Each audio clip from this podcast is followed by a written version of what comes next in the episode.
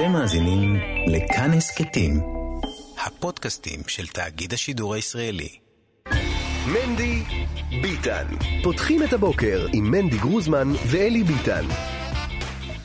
איי איי איי, בוקר טוב, יום אה, שני אה, בשבוע, פרשת אה, וישב, יום כ"א בכסלו, חודש שהוא כיס, אבל חודש שהוא לב. שלום ובוקר טוב לכולם, מאזינים, מאזינות. עוד בשורות מרות, הבוקר הותר לפרסום שלושה מחיילי צה"ל, נריה שער, בן זוסמן, בנימין יהושע נידם. אה, נפלו אתמול אה, בקרבות אה, בעזה. שלושה חיילים נפצעו קל מירי פצמ"רים בגבול לבנון. אתם, חלקכם, שמע את זה כבר בחדשות. בשורות מרות מאוד. אנחנו תכף נשמע עדכונים ממה שקורה בעזה. נזכיר כמובן 137 חטופים עדיין בשבי חמאס, והמחאה והקריאה, לא מחאה, המאבק לשחרורם אה, בהקדם ממשיך. אה, זאת אה, על רקע באמת הפסקת האש שהופסקה, הפוגה בהפסקת האש, הפסקת האש שהופסקה, וייתכן שלא תחודש, המלחמה חודשה.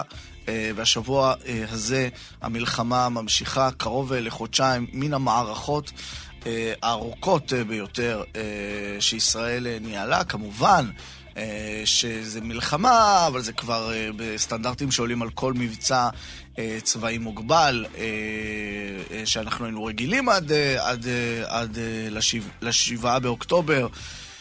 אנחנו יכולים להסתכל על מלחמת לבנון אולי, הראשונה, מה שאנחנו קוראים שלום הגליל אולי, אבל בסופו של דבר זוהי מלחמה משמעותית מאוד, והדיון על היעדים של המלחמה ועל מטרות המלחמה אה, מחריף קודם כל גם בתוך ישראל, הדיון אה, קיים, הדיון אה, נוכח, עם המורל והגיבוי והגיבוי המוחלט ללוחמים ולקבינט המלחמה, באמת גיבוי מקיר לקיר, שאולי לפני השבעה באוקטובר הוא היה נראה רחוק.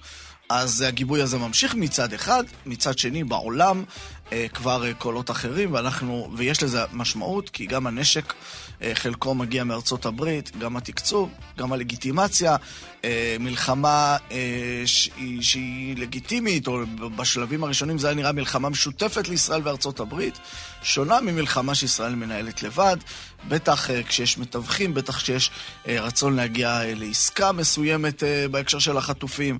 אה, כל העניינים המורכבים האלה הם, אה, הם אה, בליבה של המלחמה הזו. אנחנו נשמע עוד על כמה מהרוגי, מהרוגי הפיגוע ביום חמישי שעבר, הרבנית חנה איפרגן, עליה השלום, שמשפחתה עדיין יושבת שבעה, תלמידותיה, המורות שעבדו תחתיה, עדיין אה, באבל, עדיין אה, לא מעכלות. אנחנו עוד נדבר על דמותה גם היום הזה. אנחנו גם נשוחח על החטופים ועל התקווה, אבל גם החשש הגדול, על מצבם של החטופים ששבים ארצה. ואיך מטפלים בהם. ראיתי אתמול שכמה מהחטופות הצעירות התחילות לצלם סרטוני טיק טוק. אה, שבהם הן מספרות אה, כל מיני דברים על החיים שלהם, ואפילו עושות אה, כל מיני אתגרי טיקטוק מצחיקים, וזה סוריאליסטי לחלוטין, זה ממש הזוי. אני חושב שהחיילת אורי מגידי, שהיא הראשונה בעצם ששוחררה בפעולה צבאית, היא הראשונה שצילמה סרטון. מצחיק מצד אחד, מצד שני מרגש, לא יודע, לא, סך הרגשות פה לא, לא ברור לי לגמרי. ועכשיו כמה ילדות ששוחררו בשבוע שעבר. גם הן מעלות סרטוני טיק טוק, וזה באמת, אה, באמת סיפור. זה באמת אה, סיפור. נדבר גם על מה שקורה עם המפונים אה, מהדרום, שנמצאים כבר חודשים ארוכים במלונות או בכל מיני דירות, וזה לא, לא נוח, בטח אם זה מלון. אחד הדברים הקשים, מלון זה נשמע לנו משהו כיף, ויכול להיות מלון בים המלח, זה נחמד. אה, לכל אחד מאיתנו, אפילו אה, מומלץ אה, בזמנים מסוימים, אבל להיות במלון במשך תקופה, אחרי שבוע, זה לא כיף. וזה בטח אם אתה בחוסר ודאות, אתה לא יודע מה עם השדות. אה, שלך, ומה עם העבודה שלך, ומה עם הבית שלך, ומה עם העתיד שלך, ואין בית ספר, ואתה בחדר קטן במלון, סגור עוד ועוד. זה יכול להיות סיוט גדול מאוד, ו- ואנחנו רוצים להבין איפה הדברים האלה עומדים גם על זה. נדבר. רונן בר, ראש השב"כ, נשמע אומר בהקלטה שנחשפה בכאן 11, כי השב"כ, המוסד, ישראל, מתכוונת לחסל את בכירי החמאס, גם אם הם נמצאים בטורקיה או בקטאר. ולא ברור כמה הצהרת הרהב הזאת, קודם כל היא אזהרה, היא הצהרת מלחמה, היא דבר שבאמת יקרה. האם ישראל באמת מוכנה לפתוח חזית נוספת עם קטאר, עם טורקיה? איפה הדברים האלה עומדים אנחנו גם נלמד. יש לנו עוד כמה וכמה ידיעות חשובות. נאמר תודה לנעמי צוובנר, שעורכת את התוכנית שלנו. תודה רבה גם לאירה וקסלר על ההפקה, ניהול השידור. מושקו, משה מושקוביץ, שהיום זכיתי לעלות יחד איתו לירושלים, עיר הקודש, בצוותא. הוא ישב מקדימה, אני ישבתי מאחור, כך ראוי כמובן. ויחד הגענו כאן לירושלים. משה, תודה שהנהגת אותנו בדרך לפה. לא נהג, הוא לא נהג, צריך להגיד, הוא הנהיג אותנו. הוא היה... מה? ישנתי. אה, שמעו אותי ישן? אוי אוי אוי אוי אוי. יש תקופה בשנה שאני נוחר, ותקופה בשנה שאיני נוחר, רק שאני לא יודע איזה מהתקופות הם איזה מהתקופות. אני חייב להגיד לך, מושקו, על הנחירות, אם כבר פתחת את זה, שאת הילד שלי הן מרדימות. אני ברגע שאני מתחיל לנחור הוא נרדם. אה, כל שאר האנשים פחות, אה, פחות אה, זה כאילו... כן, לא, ברגע שאני נוחר, הוא אומר, אוקיי, העניין בשליטה, יש קצב, יש, יש איזה צליל כלשהו, יש משהו, והוא נרדם. אה, וריקי אומרת לי, אוקיי, אם אתה נוחר, אני יודעת שהכל בסדר גם איתו. אה, אז אתה יכול, כאילו, אתה יכול להצטרף לעניין הזה, או, או להתנגד. אה, או להתנגד. אני, אני מצטער, מצטער. למאזינים שלא מבינים את האירוע, אנחנו נסענו יחד, אה, ואני ככה ש... חשבתי, כמובן, הגיתי בתוכנית, ומה לשאול ומה לא לשאול. מחשבותיי נדדו והשינה נפלה עליי ו... ובאו נחירות הבוקר. אני מצטער, משה. מושקו מתנצל בפניך, בפני שאר האנשים בהסעה, שלא הבנתי למה הם חמוצי פנים כשאני יורד. כשעליתי להסעה כולם חייכו, ירדתי, כולם היו כועסים, ואמרתי, מה קרה? מה אמרתי תוך כדי ש... עכשיו אה, הדברים אה, ברורים יותר. 055-966-3991, 055-966-3991,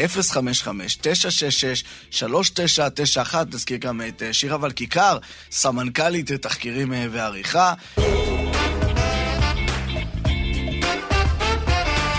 אלישע בן קימון, בוקר טוב.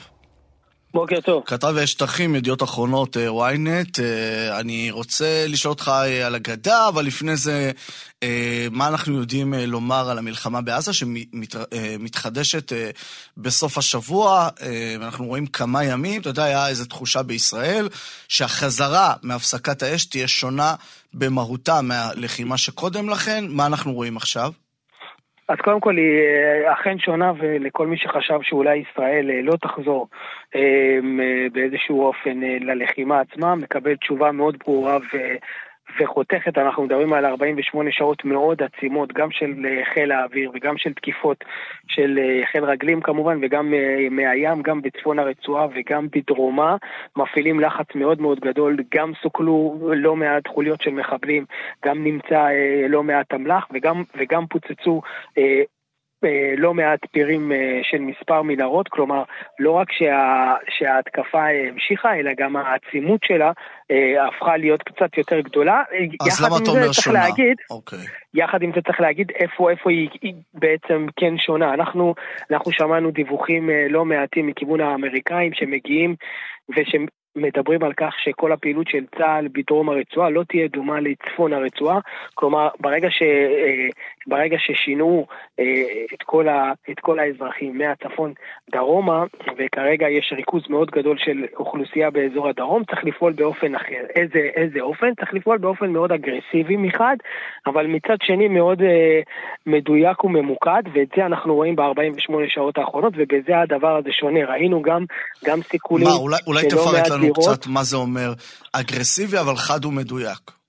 זה אומר שאם יש לך מידע מודיעיני על איזושהי חוליית נ"ט, או בכלל חוליה של בכירים בחמאס שמתמקמת באיזשהו בניין, אז אתה לא תוריד אה, פצצה שאולי תחסל את כולם, אלא אתה תוריד פצצה שבוודאות עלולה לחסל את כולם, זה האגרסיביות, וגם יותר מדויקת, אתה תפסיד, אה, אתה תפסיד את אותה קומה בדיוק בבניין שעל פי המידע המודיעיני שקיים. יש, כנ"ל גם לגבי המנהרות עצמם, אנחנו יודעים שבעצם צה"ל, אה, אם, אם למעשה עד עכשיו אותם המנהרות היו אה, סוג, סוג של, של מקום ככה יותר מוגן עבור אותם המחבלים, אנחנו מבינים כאן שצה"ל בשיטות שונות ומשונות מצליח להפוך את כל אותם המנהרות בעצם לסוג של מלכודות מוות עבור אותם המחבלים. כלומר, יש כאן יעילות מסוימת גם בשיטה, גם באגרסיביות ובמיקוד של הדברים, הכל בכפוף לכל מה שהאמריקאים בעצם ביקשו, שאנחנו נימנע בעצם גם מאסון הומניטרי שיהיה ברצועה וגם בפגיעה כמה שיותר אה, אה, בחפים אה, מפשע.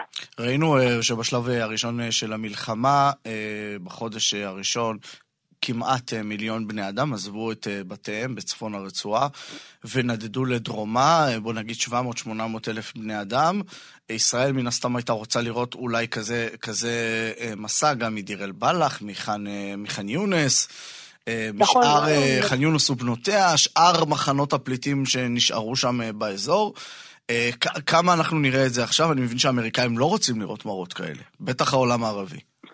בגדול גם, אה, גם המצרים וגם, וגם האמריקאים מאוד מוטרדים מאותם אותם תמונות של אנשים עוזבים את בתיהם, נהירה סוג של נכבה, אם, אם תרצה, של, של אותם הפלסטינים. מה שכן עושים, וזה בדובר צה"ל אה, עשו, זה שלקחו את אותו חלק של, של הדרום, ובעצם חילקו אותו למספר אזורים, כשכל אזור קיבל מספר, והעבירו את זה לכל התושבים ברצועת עזה, וכל פעם משנים אותם, כאשר הכיוון הכללי הוא לכיוון הים, על מנת לבודד כמה שיותר את מעוזי החמאס, כדי לאפשר תקיפה עוד פעם, אה, מ, אה, אה, בלי לפגוע בבלתי מעורבים, עד בעצם כמה שניתן. אז גם יש את החלוקה של, ה, של האזורים, גם את התקיפה המאוד ממוקדת וגם אה, תקיפה מאוד מאוד אגרסיבית, ולכן הדבר הזה אה, באמת שונה, אבל אנחנו נראה ככל שהימים יחלפו בעצם אה, אה, מה קורה באזור הדרום. צריך להגיד שלגבי הצפון, ההערכה היא שתוך ימים בודדים, אולי עד לסוף השבוע כבר יוש... כבר יצליחו להשלים את כל, את כל כיבוש הצפון באופן מאוד משמעותי. עדיין יש כל מיני כיסי טרור למיניהם שצה"ל מנהל בהם ככה יותר לחימה לתיאור השטח הצפוני. אני רוצה רק uh, לדעת, uh, לפני שאנחנו עוברים לגדה, יש, יש איזושהי uh, תחושה בישראל שהייתה בסוף השבוע, שיש פה איזה חידוש לחימה, אבל כן מחכים לעסקה נוספת, ואפילו היה איזה דיבור. אמנם משהו מקרטע בעניין הזה, נראה שהצוותים הישראלים חזרו, אבל כמה... כמה בתוך תוכניות המלחמה של המפקדים, של הגנרלים בשטח, לוקח בחשבון שיכול להיות שהמלחמה שוב תיעצר בעוד כמה ימים? אז זה בעצם מחולק לשתיים. אחד, כל הזמן וכל הזמן נעשים מאמצים, כולל תוכניות אופרטיביות, איסוף מודיעין, אה, מאמצים באמת כבירים להגיע לכמה שיותר חטופים ולאסוף לגביהם כביכול מידע. אנחנו גם רואים את זה ככל שה...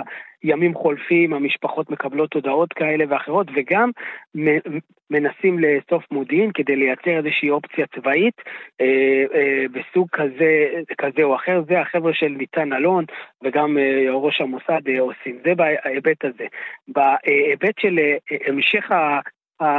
הלחימה עצמה, יש תמימות דעים גם בקרב הדרג הצבאי וגם בקרב הדרג המדיני שהמשך הלחימה והעצמה שלה והעמקת ההישגים הם אלה שיובילו את אנשי החמאס בעצם להסכים לאיזושהי עסקה מסוימת כי זה מה שקרה גם בפעם הקודמת. כלומר, ככל שהדבר יהיה יותר אגרסיבי, יותר ממוקד ושהתקיפות יהיו יותר עוצמתיות, ככה החמאס יהיה יותר בשל לאיזושהי אה, עסקה, אה, עסקה. עכשיו, מעבר לזה, צריך להגיד שזה לא גם אה, לחיצה, לחיצה על כפתור שאפשר להפסיק תוך יומיים ואז עוד פעם אה, להתחיל מחדש. ברגע שהתחלנו עכשיו, אז זה באמת יימשך מספר ימים. אנחנו מדברים על צה"ל, כן? צה"ל זה... כן. זה סוג של מכונת לחימה מאוד מאוד גדולה, זה לא נעשה בלחיצת כפתור, ככה שכשמתחילים לחימה היא לפחות תימשך כמה ימים, להערכתי אולי אפילו שבוע, אבל עוד פעם, הכל תלוי בהרבה מודיעין שנכנס ודברים דינמיים שיכולים להשתנות כל רגע. טוב, מילה אה, על הגדה אה, המערבית, אנחנו רואים שמספרי ההרוגים אה, שם מתקרבים ל-300. שלושת אלפים עצורים, הפגנות, הרשות הפלסטינית מנסה להדוף את הצעירים מלהגיע לנקודות חיכוך עם הצבא, ובכל זאת אנחנו רואים תסיסה שהולכת וגוברת שם. אה, כן, צריך להגיד שה, שמתחילת המלחמה חמאס אה, מנסה לעורר אה, גם את הגדה וגם, וגם את ערביי ישראל. עכשיו, הוא לא באמת מצליח למעט אירועים כאלה ואחרים, אבל קח לעצמך כביכול נתון. ביהודה ושומרון בתקופה האחרונה זו התקופה הרגועה ביותר מבחינת פיגועים, טפו טפו טפו, כן? מזה כשלוש שנים. כלומר, אנחנו חוזרים לנתונים שלפני מלחמת או מבצע של שומר החומות, כלומר, יש ירידה מאוד... מאוד משמעותית בנתונים עצמם. הדבר הזה נובע מפעילות מאוד אגרסיבית דווקא במחנות הפליטים אה, של אה, אוגדת אה, איו"ש. אנחנו מדברים על, על מחנות הפליטים אסכר, בלטה, מחנה פליטים ג'נין, נור א-שמס וכולי וכולי, שבהם יש מבצעים ממוקדים כמעט ערב-ערב, שמבוצעים דרך אגב על ידי לוחמי מילואים, וגם את זה צריך להגיד, יש כאן לוחמי מילואים שהולכים בכל הסמטאות של מחנות הפליטים ומבצעים עבודה נהדרת שם, מסכלים אה, לא מעט מחבלים, אנחנו מדברים על אה, מעל 200 מחבלים אה, שסוכלו, כמעט 63 אחוזים מהם הם מופללים כאוחזי נשק, זה, שזה נתון מאוד, מאוד משמעותי. מעבר לכך כמובן שכל השאר הם משליכים של בקבוקי תבערה ויידויי אבנים. מעבר לזה, יש איזושהי נקודה מאוד מאוד חשובה שהטרידה גם את מערכת הביטחון, זה היה לפני שבועיים, אני מזכיר לך שהיה אירוע אה, באזור טול כרם, שבו הוצאו להורג אה, שני אה, פלסטינים שחשדו בהם שהם אה, אה, אה, סוג של, אה, היו סוג של משת"פים כאלה עם, אה, עם ישראל, וזה דבר שהדליק נורה מאוד מאוד אדומה גם במערכת הביטחון. לפי מה שאני מבין, השיתוף פעולה עם המנגנונים הפלסטינים, הם אה, גם, גם טיפלו באירוע הזה, אבל עוד פעם, כל מה שקורה באיו"ש אפשר להגיד ולנתח אותו רק על פי מה שהיה. ספק מאוד לדעת ו- ו- וקשה מאוד לדעת בעצם מה יקרה בעוד שעה או שעתיים, כי באמת הגזרה הזאת היא מאוד מבעבעת. רק, רק בנקודה אחת, כן. נזכיר שרק לפני כמעט שלוש-ארבע uh, שעות uh, צה"ל הצליח לחסל חוליית מחבלים באזור קלקיליה, חוליה שהוא רדף אחריה uh, uh, לא מעט זמן ושביצע uh, ירי, שני מחבלים חוסלו, עוד שניים נפצעו, עוד הצלחה טובה מאוד uh, לכוחות uh, צה"ל שמה ולמפקד אוגדת היושב בלוט ולאוגדה עצמה. אלישע בן קימון, כתב שטחים, ידיעות אחרונות ynet, תודה יקירי על השיחה הזו. תודה רבה. בוקר טוב, 055-966-3991. שרשרו לנו שאלות כי עלו לנו אה, עוד אה, פרשנים צבאיים גם בהמשך, אבל עכשיו לעניין אחר. הרבנית האהובה, המחנכת אה, למאות תלמידות, רבנית חנה איפרגן, נהרגה אה, בפיגוע ביום חמישי, נרצחה למעשה בפיגוע ביום חמישי בכניסה אה, לעיר אה, ירושלים. ההלם שנפל על מכריה ותלמידותיה הרבות, המורות שעבדו תחתיה, נשות הצוות, עדיין חזק, עדיין קשה. הכאב הגדול, הגעגוע. השאלה, מה, מה איך הרבנית חנה הייתה עכשיו אומרת ומנחמת ופועלת. אני רוצה להגיד שלום לדסי סולובייצ'יק. שלום וברכה. אה, פסיכולוגית חינוכית, אה, צריך לומר, את שנה שביעית אה, שאת הפסיכולוגית של בית הספר בנות הדסה. מטעם השירות הפסיכולוגי, את גם יש לך קליניקה פרטית בבית שמש, כן. ואת עבדת יחד עם המנהלת, להבדיל בין החיים ובין החיים, חנה איפרגן. כן, כן, נכון, באמת זכיתי לעבוד איתה באמת, כמו שאתה אומר, שבע שנים, זכיתי באמת לפגוש אישה מקסימה, חמה, אכפתית וממש אה, מסורה. אה, אני יכולה קצת לספר על הרקע שלה. בטח. אה, כשהיא הייתה בחורה, היא תמיד שאפה ללמוד עבודה סוציאלית. בסופו של דבר היא התחילה לעבוד כמדריכה בפנימייה. היא בעצם האמינה שהדרך לעבוד ולקדם את תלמידות זה בהענקת חום, אהבה ויחס אישי. בעצם משם היא המשיכה כמורה שנים רבות. היא מאוד, היא מאוד אהבה את העבודה הישירה עם התלמידות, היא בכלל לא חיפשה לי להיות מנהלת, אבל אחרי שהיא יצאה לפנסיה, אה, הרב עובדיה יוסף אה, ביקש ממנה להיכנס לנהל את בית הספר בנות הדסה כדי לקדם אותו. ובאמת היא לקחה את התפקיד על כתפיה, ניהלה את בית הספר ביד רמה, במס... במסירות אין קץ. אפילו לפעמים ממש מתוך הקרבה עצמית מאוד uh, משמעותית. היא תמיד הייתה זו שמגיעה ראשונה לבית הספר, יוצאת אחרונה. Uh, היחס שלה לצוות המורות היה מאוד אישי וקרוב. היא הייתה מאוד גמישה בדרישות שלה, היא גילתה רגישות מאוד רבה למצבם האישי, המשפחתי, וגם, וככה גם אה, לתלמידות, היה יחס קרוב וחם.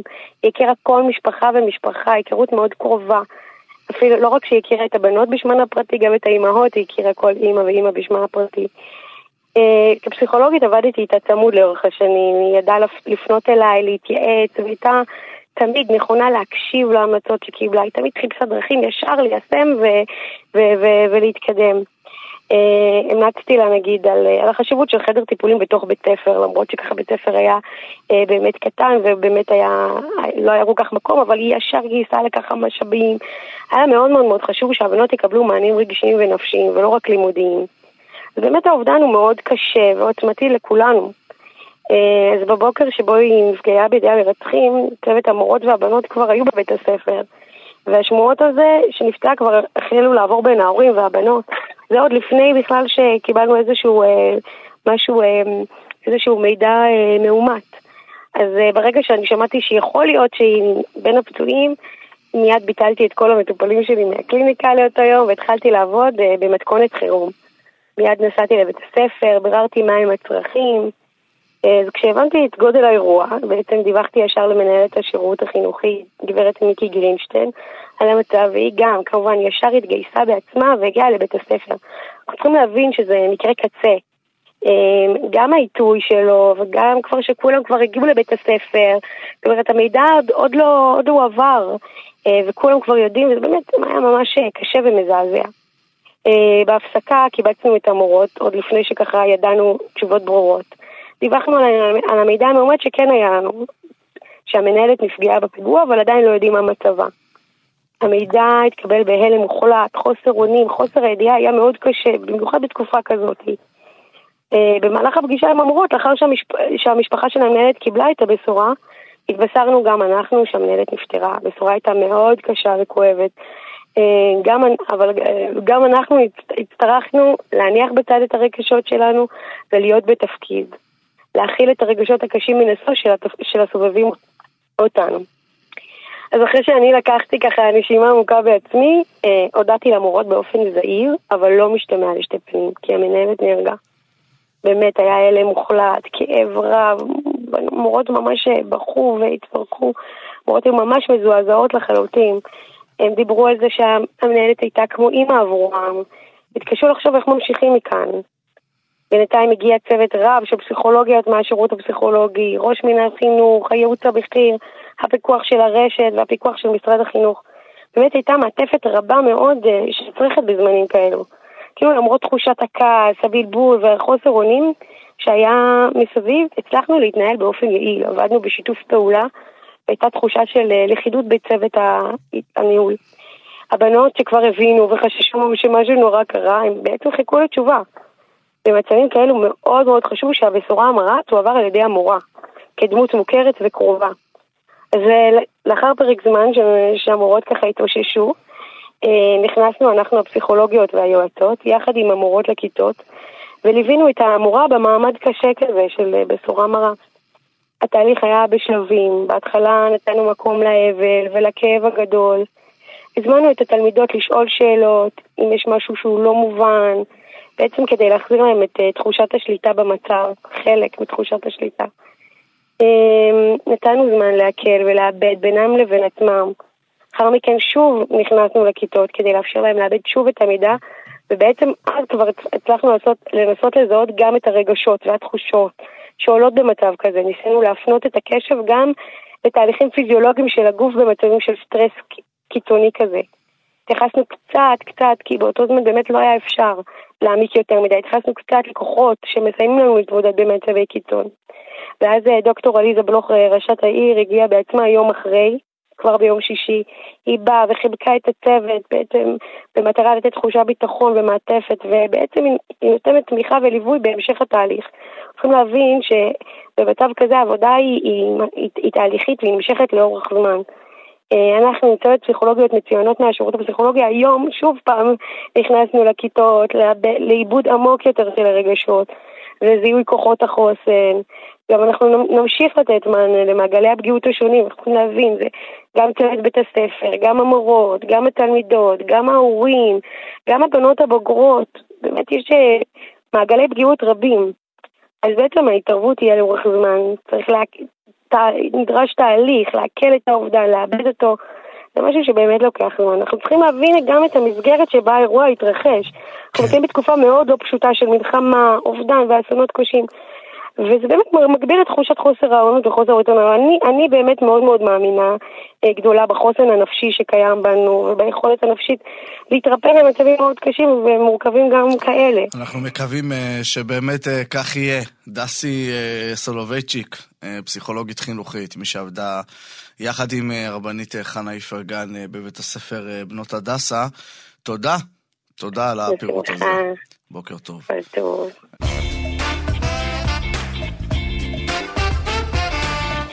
איי איי איי, דורון אה, שטיינבכר, אה, שטיינברכר, אה, היא בת 30, אחות וטרינרית מהקיבוץ כפר עזה. אישה שכל כולה נתינה, כך מתארים אותה חבריה, כך מתארים אותה משפחתה. היא מאז ה-7 באוקטובר חטופה בעזה. היה איזושהי תקווה שאנחנו נראה אותה בשבוע שעבר, תקווה אדירה. וזה לא קרה, ויש לנו תקווה אדירה שנראה אותה מהר מאוד בבית.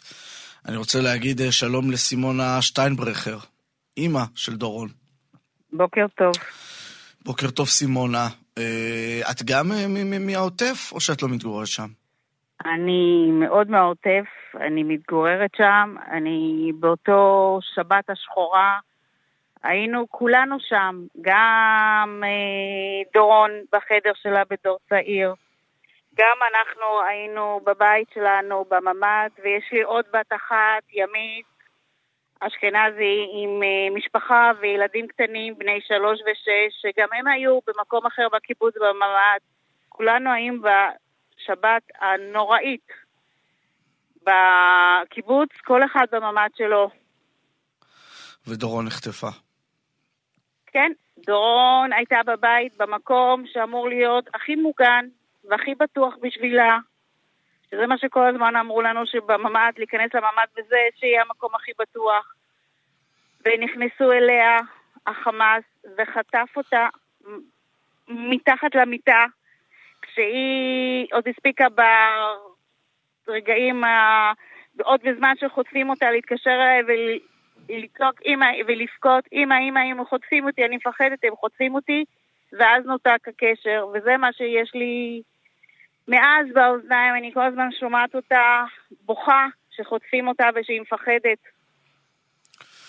הפחד הזה והאימה והמחשבות מה קורה עם אה, דורון בטח אה, מלווים אותך אה, לא מעט זמן. שבוע שעבר את רואה את החטופות והילדים שבים ארצה, ויום אחרי יום, והבנה שדורון לא ביניהם, יום אחרי יום.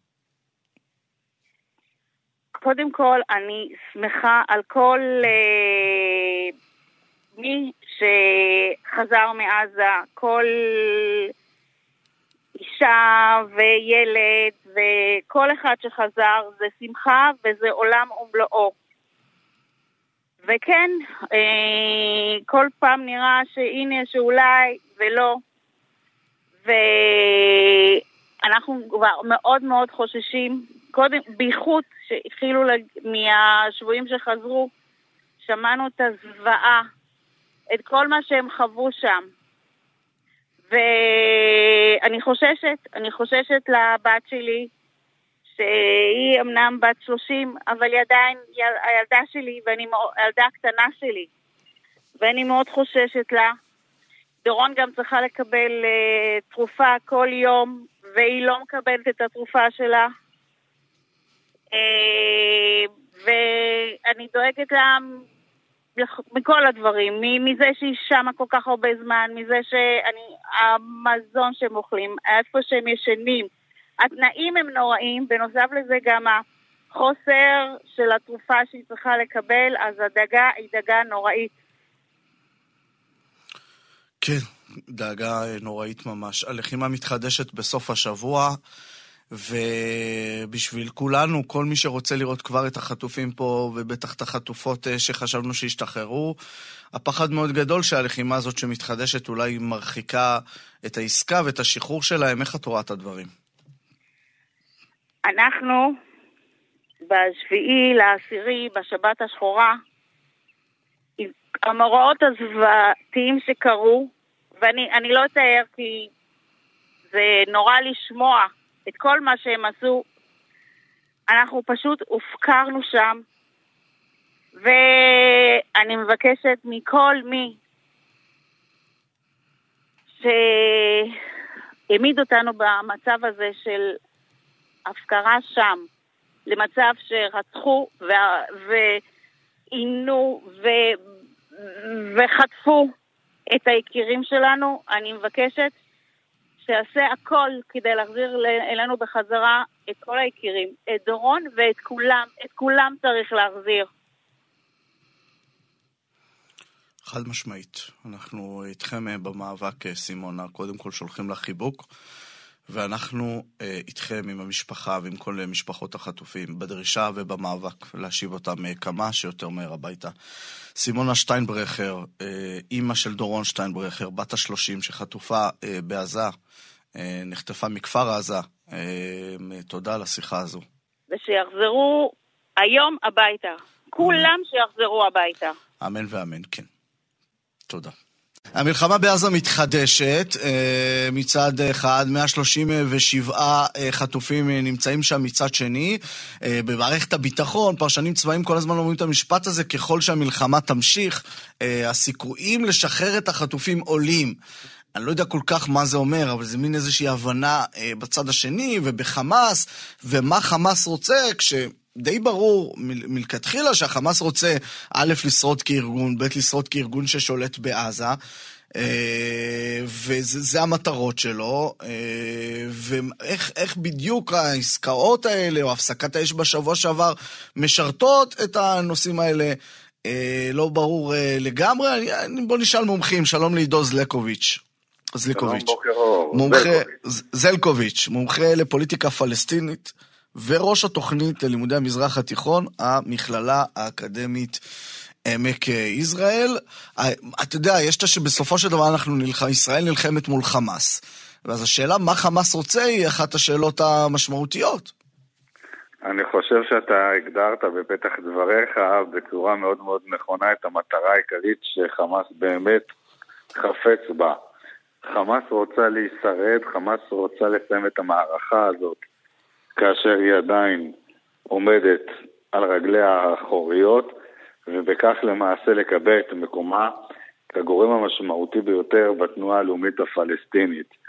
יש ליחיא סנוואר מעין פנטזיה ובכלל לאנשי החמאס שהמלחמה הזאת בסופו של דבר גם תהפוך להיות מלחמת העצמאות הפלסטינית. אה, ולשם הם בין היתר אה, גם אה, חותרים. כולם מדברים על היום של אחרי, שימו לב, יקיריי, לאחרונה אנחנו שומעים יותר ויותר את הנושא של כניסה למשא ומתן מדיני, החזרת הרשות, והרשות לא תסכים לחזור לרצועת עזה אם יציעו לה מדינה. לכן חמאס רוצה לסיים את המערכה הזאת כאשר היא במצב של שרידות, וצריך גם להבין בנקודה הזאת ש... למרות ששלטון החמאס ניתן וצריך להפיל ולמוטט ולהרוס ואת כל המילים היפות והגדולות האלה, בסוף חמאס זאת אידיאולוגיה ורעיון. אז אני רוצה לדבר לא רגע, אתה אומר חמאס אידיאולוגיה ורעיון, וחמאס או סינואר, אה, א' רוצה להפוך את זה למין מלחמת עצמאות פלסטינית, אה, ורוצה להפוך להיות הארגון הדומיננטי מבין ארגוני, הארגונים הלאומיים הפלסטינים. כשהארגון הדומיננטי מאז שנות ה-60 או ה-70, זה אש"ף, כן, הפת"ח, אש"ף, הרשות הפלסטינית. חמאס מחזיק בין 30 ל-40 אחוזי תמיכה, אה, אבל אה, שואף ליותר מזה. אה, והשאלה היא אה, שבבסיס החמאס הרי עומדת אידיאולוגיה שהיא מעל אידיאולוגיה פלסטינית עממית לאומית, היא אידיאולוגיה מוסלמית. בעוד שהפלסטינים כעם כוללים בעצמם גם אנשים שלא מאמינים, גם נוצרים, אה, גם הדרוזים חלקם בחלק מהנרטיב הפלסטיני, בטח מוסלמים שהם לא סונים, שיעים אולי קצת, אולי בדרום לבנון. אז, אז יש כאן מתח פנימי בין התנועה הלאומית הפלסטינית לתנועת אה, חמאס שהיא, שהיא דוחה. תנועת האחים המוסלמים שדוחה שיקולים לאומיים.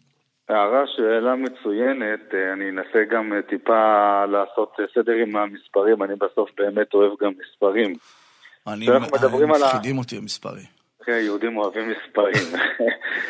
כשאנחנו מסתכלים על החברה הפלסטינית בכללה, בכללותה, אז צריך לומר את הדברים הבאים, ברצועת עזה 98.9, אם לא 99 נקודה משהו מהאוכלוסייה היא מוסלמית. בגדה המערבית, יהודה ושומרון, החברה הפלסטינית היא בערך פחות או יותר, ללא מספרים המדויקים, אם תתפוס אותי על קוצו של יוד, אבל מדובר על 93-94 אחוזים מוסלמים. כלומר, ההגמוניה הסונית מוסלמית היא... היא מוחלטת. ברורה ודומיננטית. עכשיו, יותר מזה... בקרב הערבים אזרחי ישראל זה לא ככה. ב- נכון, קצת פחות, אנחנו בקרב ערבים אה, אזרחי ישראל מדברים על 70 וקצת אחוז מהחברה הם ערבים מוסלמים. זה גם כזה דומיננטית מאוד ברורה, אבל בשטחים הדומיננטית הזאת הרבה יותר חזקה. כשאתה מסתכל גם על המרכיבי זהות של הארגונים המתחרים לחמאס, ובראש ובראשונה פת"ח, שזו התנועה הגדולה והמרכיבה והמשמעותית ביותר של אש"ף, אז גם שם הדת, האסלאם, זה חלק מאוד מאוד מרכזי בעולם התוכן, בדרך החיים, ובכלל החברה הפלסטינית היא חברה שבה הדת היא חלק מהמרחב הציבורי. כן, שהדת היא חלק... אומר, כן. כן, רק שנייה ברשותך. לכן הייתי אומר שדווקא כאן הרעיון הדתי עזר לחמאס לצמוח, והוא מבטא איזושהי משאלת לב אותנטיות. הוויכוח בין פת"ח וחמאס הוא כדלקמן במשפט אחד. פת"ח רוצה מדינה פלסטינית לאומית, שהדת תהיה חלק מאוד מרכזי וחשוב בה. חמאס רוצה מדינה פלסטינית אסלאמית, שתהיה שלב ראשון בדרך להקמת חליפות מדינה אסלאמית מעבר לגבולותיה של פלסטין. אז אתה אומר, בשביל החמאס זה מדינה דתית אסלאמית שהפלסטיניות היא חלק ממנה, אבל לא חלק מחייב. היא מהותי בה, אבל זה שלב ראשון בדרך להקמת חליפות. אה, אני רוצה לחזור לחמאס ולרצועת עזה, ואנחנו שומעים בשבוע, בשבוע, בשבועיים האחרונים יותר ויותר על ארגונים נוספים שפועלים אה, בעזה שהם לא חמאס, אנחנו שומעים שוב על ועדות ההתנגדות העממיות, או ועדת ההתנגדות העממית, הארגון הזה שפועל תחת חמאס, אנחנו יודעים שגם החזית העממית פועלת, ואנחנו שומעים שיכול להיות שחלקם מחזיקים בחטופים ישראלים. אתה יכול לשרטט לנו איזושהי מפה של, של הארגונים שפועלים בעזה? חוץ מחמאס יש את הג'יהאד כמובן. כן, הג'יהאד הוא הארגון הדומיננטי השני מבחינת חוזק הזרוע הצבאית שלו היום ברצועה. מדברים על אה, כבין עשרת אלפים וחמש עשר אלף אחוזי נשק בארגון הזה. לצד שני הארגונים הללו כמובן יש עוד פלגים. מי שלמעשה פורקם ונשכב והייתה התנועה הדומיננטית והגדולה ביותר לפני ההשתתפות של חמאס על הרצועה, זאת הפת"ח, שהיא למעשה עמוד השדרה של הרשות הפלסטינית. חלק גדול מחמושיה פורקו ונשכם, נורו ברגליהם, ומחכים אה, גם, דרך אגב, הפינה לנקמה. אה, כן, מה שאנחנו קוראים אנשי דחלן בעצם? הם אפילו מפוצלים לשני פלגים ועוד ארבעה קטנים, אבל לא ניכנס לתוך זה עכשיו, כי לא נצא מזה. אבל שני הפלגים הגדולים זה אנשי דחלן מול אנשי אבו מאזן, הפיצול הזה קיים גם ברצועת עזה, אבל אני כן רוצה ברשותך לציין באותה הנשימה, שגם אנשי גדודי חללי אל-אקצא, זרוע הצבאית של פת"ח, לקחו חלק בפשיטה האיומה, במעשה טבח והטרור ה... ה... בפשע... ה... בפשע העם, ברצח העם שנערך, בפשע מלחמה רצח העם שנערך ב-7 באוקטובר. לצידם יש פלגים יותר קטנים. הזכרת את ועדות ההתנגדות העממיות. אז זו דוגמה לפלג שפועל בעיקר בדרום הרצועה, אזור רפיח. הפלגים האלה הם בדרך כלל חיבור בין כמה משפחות דומיננטיות, כמו משפחות פשע, משפחות דומיננטיות ששולטות באיזשהו אזור מסוים, והן מביאות את העניין החמולתי והאזורי ועוטפות אותו בסוף במה? במעטפת דתית. לדוגמה, ועדת, ועדות ההתנגדות העממיות התפצלו, המנהיגים שלהם התפצלו מהפת"ח, אימצו לעצמם אידיאולוגיה של ג'יהאד גלובלי, אבל קיבלו גם כסף ומימון מחיזבאללה שהם בכלל שיעים. כן, ופועלות תחת המטריה של חמאס. סלט שלם, הכל כן. בסוף בשביל להכניס כמה גרושים הביתה.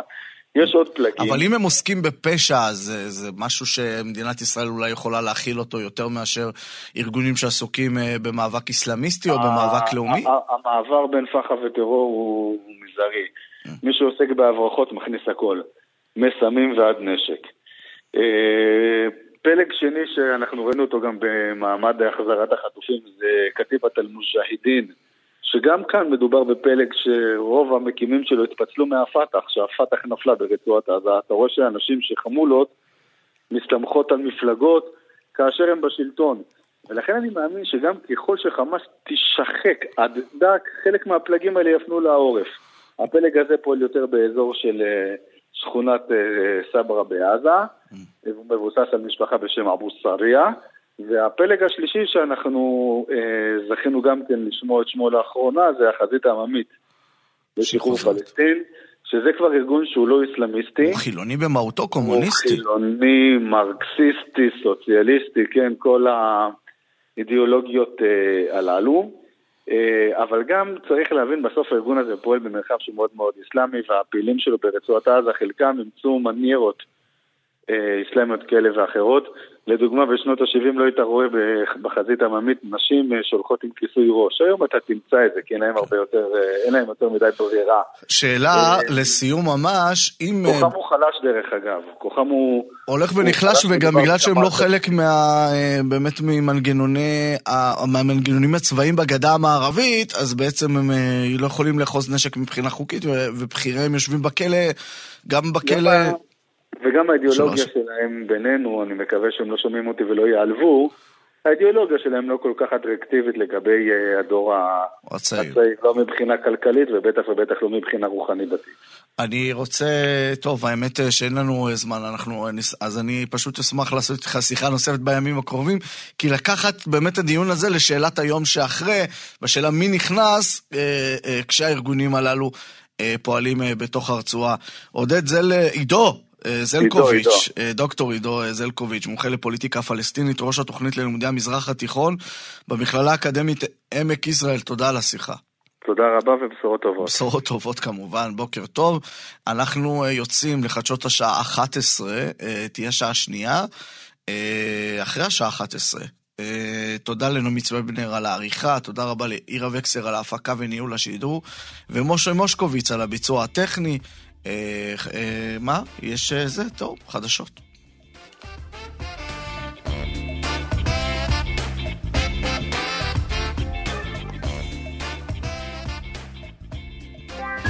מנדי ביטן.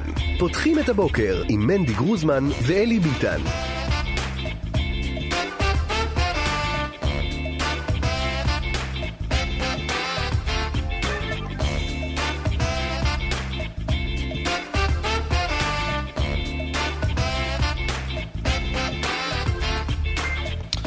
עשר ואחת עשרה וחמש דקות, צהריים טובים, מנדי ביטן, כאן מורשת.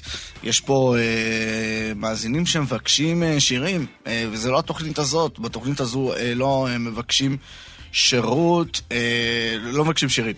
אה, בוקר, בתור התחלה, כותב מאזין, ביטן, תפסיק לקשקש אם אתה נוחר או לא נוחר, זה לא תוכנית חיים שכאלה, זה רשת ממלכתית ולא פרטית שלך. אה, דברים כדורבנות, מה אני אגיד, מושקו? המאזינים, אה, המאזין אחד. יש מאזין אחד אה, שכועס, והוא גם כותב, מה זאת אומרת? מה, למה אני צריך לשמוע את הפירוט? תספר על החמה, תספר על הפלגים, מה אכפת לי אם אה, אתה נוחר או לא? אה, טוב, הכל, כל, בגדול אם אתם רוצים להבין את ה line-up של מנדי ביתאן, בואו אני אעזור לכם מראש. כל מה שמעניין את מנדי ביתאן, או את אחד מצוות העריכה וההפקה של התוכנית, זה התוכן. לא שום דבר אחר. אה, אין, אין חובה. זאת אומרת, אם יש נושא שהוא הכי חשוב והכי קריטי והכי זה, אבל הוא פשוט לא מעניין את אף אחד מצוות האורחים או מנדי ביטן בעצמם, הוא לא יעלה. וכנ"ל ההפך, אם הנחירות אה, חשובות, אז הנחירות נושא. אני גם בכלל חושב שזה נושא ציבורי, העניין הזה של אנשים חצופים. חצופים, אין לי מילה אחרת. לעלות להסעה ציבורית ולנחור. גועל נפש של בני אדם. מה זה הדבר הזה? אתה רוצה לנחור, תשב בבית שלך. אה, הנה, אתה רואה, זה גם עניין, כן רשת ממלכתית, כן משדרת, לא משדרת. אה, כבר יש פה, יש פה דיבור על, על, על הממלכה, על הממלכה. אה, טוב, כ"א אה, בכסלו היום. אה, היום זה שלושה ימים לפני חג החנוכה, נר ראשון של חנוכה ביום רביעי בערב אה, מדליקים את אה, נר ראשון של חנוכה, אז היום שלושה ימים אה, לפני הנר אה, הראשון, אה, שלושה ימים לפני הנר הראשון, אה, והמנהג אה, שאתמול אפרים הזכיר לנו, לשים חנוכיה, את החנוכיה במקומה שלושה ימים לפני החנוכה, ושלושה ימים אחריה לפרסם את הנס. אז אה, תעשו את זה מי שרוצה. אה, מי שהתארגן על חנוכיה, אני יש לי חנוכיה יפה משנה שעברה, אה, אשתי קנתה לי, אז אה, גם אני אדליק אה, בשנה, אה, זה יהיה נחמד מאוד. אה, בשמן, בטח בשמן. אה, שמעה תפילתי, שלום אה, ברנהולץ, אותו נשמע. אתם אה, נקראים ורשאים לכתוב לנו 055-966-3991, 055-966-3991. תודה לנעמי צמבנר על העריכה, לעירה וקסלר על ההפקה, משה מושקוביץ על הביצוע הטכני. אלירן אה, ג'רבי, שלום, בוקר טוב. בוקר אור, מה נשמע? פעיל אה, חברתי בשדרות, שלומי טוב, איך אתה? ככה ככה. איפה אתה עכשיו? אתה יודע, יש. משפט של אה, חיים גורי, שלומי כשלום עמי. שלומי בדיוק ככה, שלומי כשלום אמיר. אתה, על הפנים. איפה אתה נמצא עכשיו? בקרון פלאז'ה בתל אביב, ונע בין שדרות תל אביב, שדרות תל אביב, כל יום. כל יום אתה מסתובב בתוך העיר? מה, אה, אתה יודע, אנשים אה, בימים, כשג... בימים כשגרה להיות בקראון פלאז'ה בתל אביב, זה יכול להיות כיף לאיזה סוף שבוע, אפילו לכמה ימי חופשה. יום, עכשיו זה יומיים, בטח לא סיוט. יותר. עכשיו זה בטח זה סיוט. יותר מסיוט, כן. כמה זמן לא אתה כבר ליהנות. שם? אה, כמעט חודש, חודש כבר. חודש בקראון פלאז'ה הזה, לבד או שאתם נמצאים שם קבוצה? המשפחה, הבית של אמא שלי נפגע פגיעה ישירה מטיל, גרים אצלה עוד חמש אחים שלי בבית, אז כולם התפנינו לכאן, ואי אפשר לחזור לבית, הבית אה, מיועד להריסה. ושאר אה, התושבים כבר חוזרים? יש חלק שחזרו, יש כמעט איזה אלפיים או יותר משפחות בשדרות, שצריך לדאוג להם, אז צריך לנסוע גם לשם כמעט כל יום ולראות מה קורה איתם ומה הם צריכים. מה זה לדאוג להם במסגרת? מה תפרט לנו? אה, מאוכל, תרופות, אה, ללכת לסופר לקנות לאנשים המבוגרים, לניצולי שואה, לדאוג לחיילים, למקומות לינה, למקלחות, לכביסות, לאוכל, זה משהו שאתה עושה ביום-יום גם לא בזמן מלחמה. כן. במסגרת מה? זה מתגבר עוד יותר, במסגרת שום דבר, במסגרת להיות אה, ערבות הדדית אחד לשני. איזה אף מלך. אחד לא חייב לי כלום ואני לא חייב לאף אחד. כלום, אנחנו משתדלים להיות אחד בשביל השני, בזמנים קשים פי כמה. אני רוצה לשאול אותך שאלה קשה. המדינה אומרת שהפינוי אה, יהיה רק עד אה, סוף דצמבר. אחר כך צריך לחזור. זה נראה לך. הגיוני? זה לא הגיוני בכלל, שמשאירים אותנו באי ודאות כזאת, אני מאמין שראש העיר שלנו, שלנו אלון דוידי, לא ייתן לדבר כזה לקרות כל עוד יש סיכון ממשי, רק אתמול ראינו חדירה של רחפנים לשדרות, של כיתת הכוננות מנסה להוריד אותם עם ירי חי באמצע הלילה שהפחידה חצי משדרות כמו חדירת מחבלים. אני לא מאמין שגם אם יגידו להם לחזור הם לא יחזרו. במצב הנוכחי. אז מה, אז מה אפשר לעשות? להישאר ולשלם הרבה כסף? זה, זה, זה... אני מאמין שהם לא יישארו הרבה, ולא, עד שלא ירד האיום הזה משדרות אחרי 23 שנה שאנשים נתקפי חרדה, חיים בחרדה, ולא יודעים את גורלם יום למחרת, ואחרי החדירת מחבלים הזאת, אני מאמין עד שלא יהיה סוף לדבר הזה בעזה, הרבה אנשים לא יחזרו או שיעזבו בכלל. אבל אלירן, אתה מאמין אה, שיהיה סוף? בתוך תוכך אתה מאמין שעוד עם חודשיים, שלושה לא חודשים זה מאמין. יהיה עם אחרת? הממשלה הזאת אני לא מאמין. עם איזה את זה ממשלה, מ- עם הממשלה הימין מלא מלא הזה שאומרים לנו, אני לא מאמין. כי עם בגללם זה ממשלה? קרה והם עוד מתהדרים בנוצות, שחררנו חטופים, החטופים האלה היו שם בגללם. ה-1400 נשחטים האלה זה בגללם, זה לא בגלל אף אחד אחר. אז איזה ממשלה כן? איזה ממשלה אה, כן? אני לא יודע, אני מאמין שממשלת אחדות, שמאל, ימין, דתי, חילוני, ערבי, יהודי, לא אכפת לי איך יעשו את זה. אם לא נהיה ביחד אנחנו נפסיד תמיד. הניצחון של המדינה הזאת ושל עם ישראל מתקופת התנ"ך תמיד היה שהיינו ביחד. לא כל אחד מושך לקצוות שלו. אין דבר כזה. דברים אה, משמעותיים מאוד, אתה אומר. אני רוצה לשאול אותך על תושבי, אתה פעיל חברתי, וכמו שאתה אומר, אתה נוסע גם לשדרות להיות עם מי ששם, וגם נמצא בתל אביב. איפה, איפה תושבי שדרות אה, מפוזרים? אם תן לי ככה איזה תמונת אני מצב יכול להגיד ממה לך שאתה יודע. מאילת עד חדרה. מאילת עד חדרה, כן. אה, אילת, ים המלח, טבריה, ירושלים, תל אביב, הרצליה? נתניה. מה המודל? כאילו, כל, אה, בעצם, אה, יש איזושהי מינהלת שפונים אליה והיא משבצת אנשים, שולחת אותם למלון? יש את המוקד העירוני שלנו של שדרות, שבאמת עושה ימים כלילות, לא נח לרגע, ודואג לכל האוכלוסייה, מי שרוצה להתפנות למקום שנוח לו, למקום שטוב לו, שיש לידו משפחה או משהו כזה. ומשפצים אותם. עכשיו, אני מניח שיש הרבה צרכים שהם לא רק אה, המלון, אתה יודע, זה, זה אנשי טיפול, זה להתמודד עם, אה, עם, אה, עם, עם כל מיני קשיים, זה אולי לקבל איזושהי תמיכה. המערכים האלה לך- קיימים? אני יכול להגיד לך שאלון דודי, ראש העיר שלנו, לא נח לרגע. ואם הוא רץ ממשרד למשרד, וכמעט בכל בית מלון יש רווחה, ויש ביטוח לאומי, ויש... אה, הוא דאג לחינוך כמעט בכל אזור שאנחנו נמצאים, לבתי ספר והסעות. באמת, הוא פתח כאן מערך מטורף, שאפילו המדינה הזאת לא יכולה להכיל את הדבר הזה שהוא עשה כאן. אתה מרגיש שהמדינה לא יכולה להרים, וזה אלון לקח על עצמו משהו שהמדינה כן. הייתה צריכה לא ולא לקחה? מצליחה, לא עשה, לא עשתה את זה 20 ומשהו שנה, הוא צריך לעשות את זה בפחות מחודש, בפחות מסביר- מיום. איך אתה מסביר את זה שלא עשו את זה כל כך הרבה זמן? את ההתפרקות הזאת? הם, אה, אני מצטער להגיד את זה, אבל אה, אני מרגיש שהפקירו אותנו 23 שנה. חד משמעית. זה, זה לא חדש. עכשיו זה כבר, מה שקרה ב-7 לאוקטובר זה כבר אסון לאומי שכולם מרגישים אותו על הבשר שלהם. חבל שהגענו למצב הזה בשביל להבין שאנחנו צריכים אחדות, בשביל להגיע למצב שכולנו ביחד, בשביל לשמור, לשמור על העם הזה. ואם זה לא ימשיך ככה, השביעי השביעי באוקטובר יחזור אותו-טו. אם זה מלבנון, אם זה מסוריה, אם זה ממצרים, למרות שאנחנו בשלום איתם, אבל ברגע שיראו אותנו חלשים יקומו עלינו עוד פעם. כן. שמע, אה, לא פשוט, לא פשוט. אני, אני, אני שואל אותך, כי אתה יודע, אחרי כל כך הרבה שנים שהופקרתם, אין מילה אחרת, ואחרי השביעי, השבעה באוקטובר, שראינו, אתה יודע, את, ה, את האסון הזה צומח לממדים מבהילים, השאלה אם, אם בראש אתה רואה מצב שה, שהאיום הזה לא יתקיים, או, ש, או, ש, או שבסוף עוד פעם יעשו איזשהו סדר ואיזשהו גדר חדשה, ועוד איזשהו חמאס ימשיך. אתה מבין, גם אני בעצמי, יש לי את שני הצדדים האלה, ואני לא יודע מה, מה לחשוב. אני אומר, אם חמאס לא יחוסל כמו שלקחו את זה כל הקבינט מדיני-ביטחוני הזה, שאמרו אנחנו לא נעצור עד שחמאס, אבל אני רואה כבר את השרירים של ארה"ב מול ישראל, ואת ההתקפלויות פה ואת ההתקפלויות שם ואת ההומניטרי. אנחנו מה עם המצב ההומניטרי של תושבי שדרות? זרקו אנשים כאן עם ילדים צרכים מיוחדים. אנשים מבוגרים, בלי תרופות, בלי זה. אם לא העירייה שלנו שדואגת להם, ואנשים שלנו שאחד ערב לשני כאן, אנשים לא יכולים לשרוד שבוע. שבוע, שבוע אנשים לא יכולים לשרוד בחוץ. אנחנו ההומניטרי של עצמנו, בזמן שהמדינה צריכה לעזור לנו ולטפח אותנו אחרי שאנחנו משלמים מיסים ומשלמים הכל, גם בזה הם לא דואגים לנו. אם לא אלון שקם וצועק בכנסת ועושה בלאגן, אני יכול להגיד לך ש-90% משדרות כבר היו עושים עיר אוהלים בתל אביב בים. השם ישמור ויציל. אתה יודע, אני כן. מסתכל על הקיבוצים, שגם אה, באמת אה, חוו אסון בלתי נתפס, אה, ומפונים, נגיד, באופן מרוכז, לים גם אותם המלח, ביקרתי שפיים. שבוע שעבר באילת, נסעתי עד אליהם לאילת, נסעתי לבקר אותם ב- אצלם יש את במלונות. הקהילה הזאת, את הקהילתיות הזאת, שהיא, אתה יודע, נותנת איזשהו מערך שלתושבי שדרות ואופקים, אנחנו, כאילו, המשפחות שלנו, אין לנו את המערך הזה, אנחנו לא, אין לנו את הדבר הזה. אין לנו את המעטפת הזאת כמו אצלם, כי הם באמת קהילה מחוברת של 100-200 משפחות. אנחנו 37 אלף תושבים בשדרות.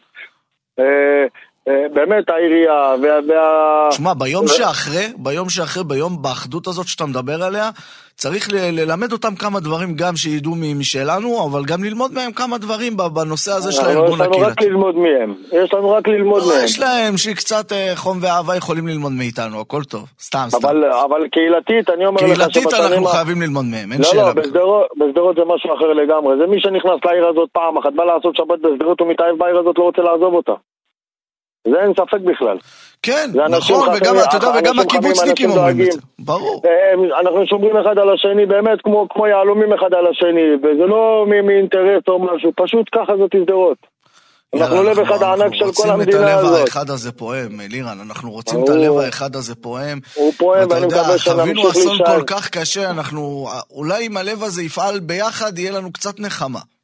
אם אנחנו קצת, באמת יענו, לא חס וחלילה שיש לי משהו נגד מישהו, אבל אם ההנהגה שלנו תתעשת על עצמה, ו- ותיקח באמת יוזמות קהילתיות, ותעזור לאזרחים במקום לשחוט בהם, ואם זה במיסים, ואם זה בקניות, ואם זה בכל הדברים האלה, ותעזור קצת לכלכלה לפרוח, אנשים עוד יצליחו לו. אני חושב על היום של, של מחרת, איך חוזרים לעבוד, איך חוזרים לבתי ספר, איך חוזרים לזה. אני לא יודע כמה המערכת מוכנה... ואתה כפעיל שפועל בתוך שדרות, מה המחשבות שלך? איך חוזרים? איך חוזרים? כמו שארגנו את המערך הזה כאן יהיה קשה, כי הרבה אנשים יצטרכו טיפול נפשי בשדרות עקב המצב הזה. אתה יודע, הרבה אנשים ראו גופות זרוקות ברחוב. מצטער שאני אומר את זה. כן, כן. הרבה אנשים חסרים להם המשפחות שלהם, החברים שלהם, השכנים שלהם בשדרות. יש לנו 50 אבדות בשדרות, שכל אחד מכיר את השני, זה, אני אומר לך, אנחנו כמו משפחה, אנחנו גרעין משפחתי בשדרות, לא משנה אם אתה אתיופי, רוסי, מרוקאי, תימני או אלג'ירי, זה לא משנה. כן. אנחנו כולנו משפחה אחת, באמת כמו שאמרת עם הקהילה של הקיבוצים, אז אנחנו יותר מהקהילה של הקיבוצים בנושא הזה. כן, כן. ואנחנו קמים בקרים ולילות לאזכרה של זה, שבעה של זה, שלושים של זה, השם ישמור. השם ישמור ויציל. אלירן אה, ג'רבי, פעיל אה, חברתי משדרות שעכשיו אה, בקראון פלאז'ה תל אביב, אני מאחל לך לחזור הביתה אמן, ולראות את שדרות משתקמת, ואת הקהילה שלכם משתקמת, ואת העם שלנו כל החטופים. משתקם. אני מקווה שהמדינה לא תפקיר אותנו ולא תחזיר אותנו עד שיחזרו מיוצר ועד שיחזרו כל החטופים שלנו, אמן. ועד שהמדינה תחזור לאיתנה. אמן, כל מילה שלך אלירן. תודה רבה רבה. תודה רבה לכם. תהיה בטוב. תודה. שיהיה לכם יום טוב. אמן ואמן, השם ישמור אותך.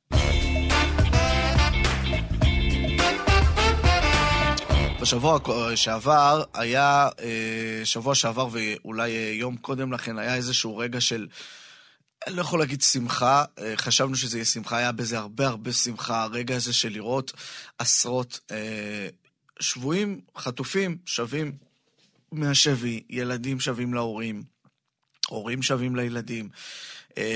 סיטואציה שכל כך קיווינו לה, אה, חודש וחצי רק חשבנו עליה, ואז היא התרחשה מול העיניים.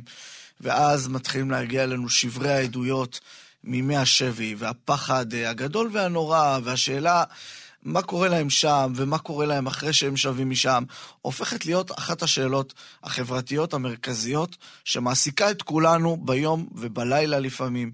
אה, כל הזמן. אה, אנחנו רוצים אה, בדקות הקרובות קצת להעמיק בעניין הזה, להגיד שלום לזהבה סולומון.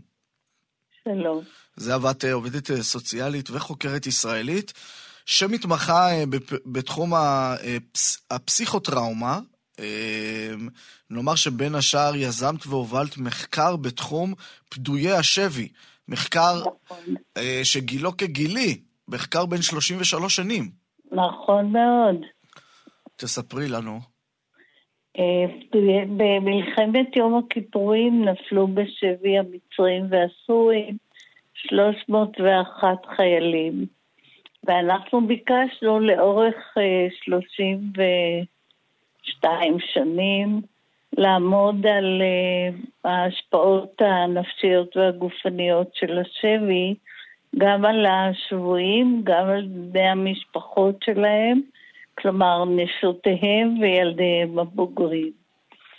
ובדקנו לאורך השנים גם אה, מדדים נפשיים, גם מדדים חברתיים, גם אה, מדדים פיזיולוגיים. כן. את אה, תוחלת החיים, את אה, האורך של הטלומרים, שזה מדד לתוחלת חיים, תחלואה וכדומה. אחד הדברים שמצאתם אה, במחקר, שאנשים ששבו מן השבי קיבלו טיפול נקודתי אמנם, אבל הטיפול הזה לא רק שהוא לא היה אה, מקיף, ולא רק שהוא נגע, אה, או שהוא לא טיפל בחוסן המנטלי, ובפוסט-טראומה, אלא לפעמים הוא, הטיפול כשלעצמו הפך להיות טראומטי עבור נכון, פדויי השבי. נכון. אז תפרטי על זה. צריך אה, לקחת בחשבון הנסיבות מאוד שונות. כן, אז... משבי שבי בגין מלחמה או בצל מלחמה לבין אה, חטיפה של אזרחים. כשחזרו החיילים מהשבי ב-73-74, הם עברו בעצם סוג של תחקיר, הפעם בידי כוחותינו.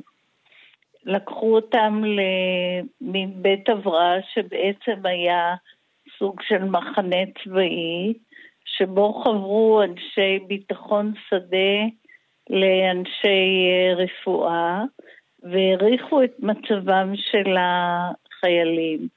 חלק גדול מהבחורים שהגיעו לשם, לפעמים אחרי שבי של אה, שישה שבועות ולפעמים שבי של שבעה שמונה חודשים, עברו בעצם סוג של תשאול או חקירה בדומה למה שהם עברו בידי הסורים והמצרים. בדומה למה שהם עברו, זה ממש כאילו תחת, אה, תחת לחצים פיזיים, תחת לחצים נפשיים? זה... לא, אבל לא לחצים פיזיים, אבל היו לחצים אה, נפשיים. וואו. קודם כל, נפילה בשבי של חייל, אם הוא מוסר פרטים על היחידה או על הצבא, היא יכולה להיתפס כבגידה. כן. שהעונש עליה הוא אה, מוות. עונש, עונש מוות. זה מאוד מאוד מאוד שונה מהמצב של החטופים של היום. החטופים היום. מאוד שונה. אני רוצה- זו הייתה כן. שמחה גדולה שהם חזרו, אבל היה חשש גדול מה הם בדיוק סיפרו, איזה נתונים צבאיים הם מסרו, וההתנהלות של אה, גורמי הביטחון הייתה אה, בלשון המעטה מחפירה ומסכנת את בריאותם הנפשית. לא דומה בכלל למצב היום. אז אני רוצה, אני רוצה רגע, כי בסופו של דבר יש לנו בשבי גם אה, עשרות רבות של חיילים, אה, וגם מאז שערכת את המחקר שלך, אה, שבו כמה וכמה פעמים חיילים משבי, משבי של אה, ארגוני טרור אמנם, לא משבי אה, נכון, של מדינות. נכון. אה, ואני רוצה לומר שאת כאילו, המחקרים שלך באמת אה, הפכו, בין השאר היוו בסיס לסרט ערים בלילה, ואז העמותה שקמה אה, נכון. בעקבותיו, וכל אה, המודעות הזאת למה שקורה בשבי, אבל מה שקורה גם בשלב שאחרי השבי, ואני בטוח שהרבה מאוד, למרות ההבדלים, ותכף גם תפרטי על ההבדלים, יש הרבה דברים שאפשר ללמוד מזה. אז בואו נתחיל רגע מההבדלים המאוד ברורים.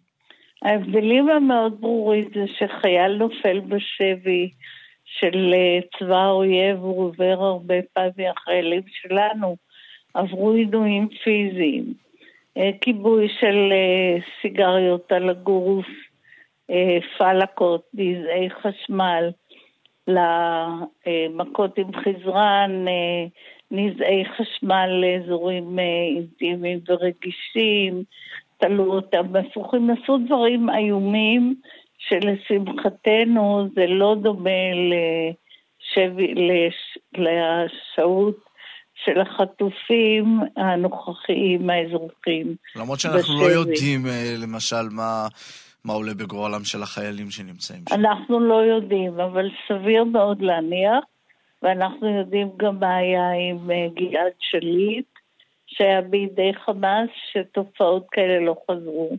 עכשיו, מדוע עושים את זה, הצבאות? הם בעיקר רוצים להוציא מידע בעת מלחמה. היום, אה, אם אה, קשישה מניר עוז או מבארי נופלת בשבי או ילד, אין להם מידע צבאי שיכול לשרת את חמאס. הם קלפי מיקוח. הם לא יכולים אבל לתרום מידע צבאי. כן. וגם חיילים כרגע לא, משום שלא, מי שנלקח ל, או נחטף על ידי החמאס, הם לא אנשים שהם כרגע בעת לחימה. כלומר, ההבדלים הם עצומים גם במי הם האנשים וגם בצורה שהתנהגו אליהם בשבי.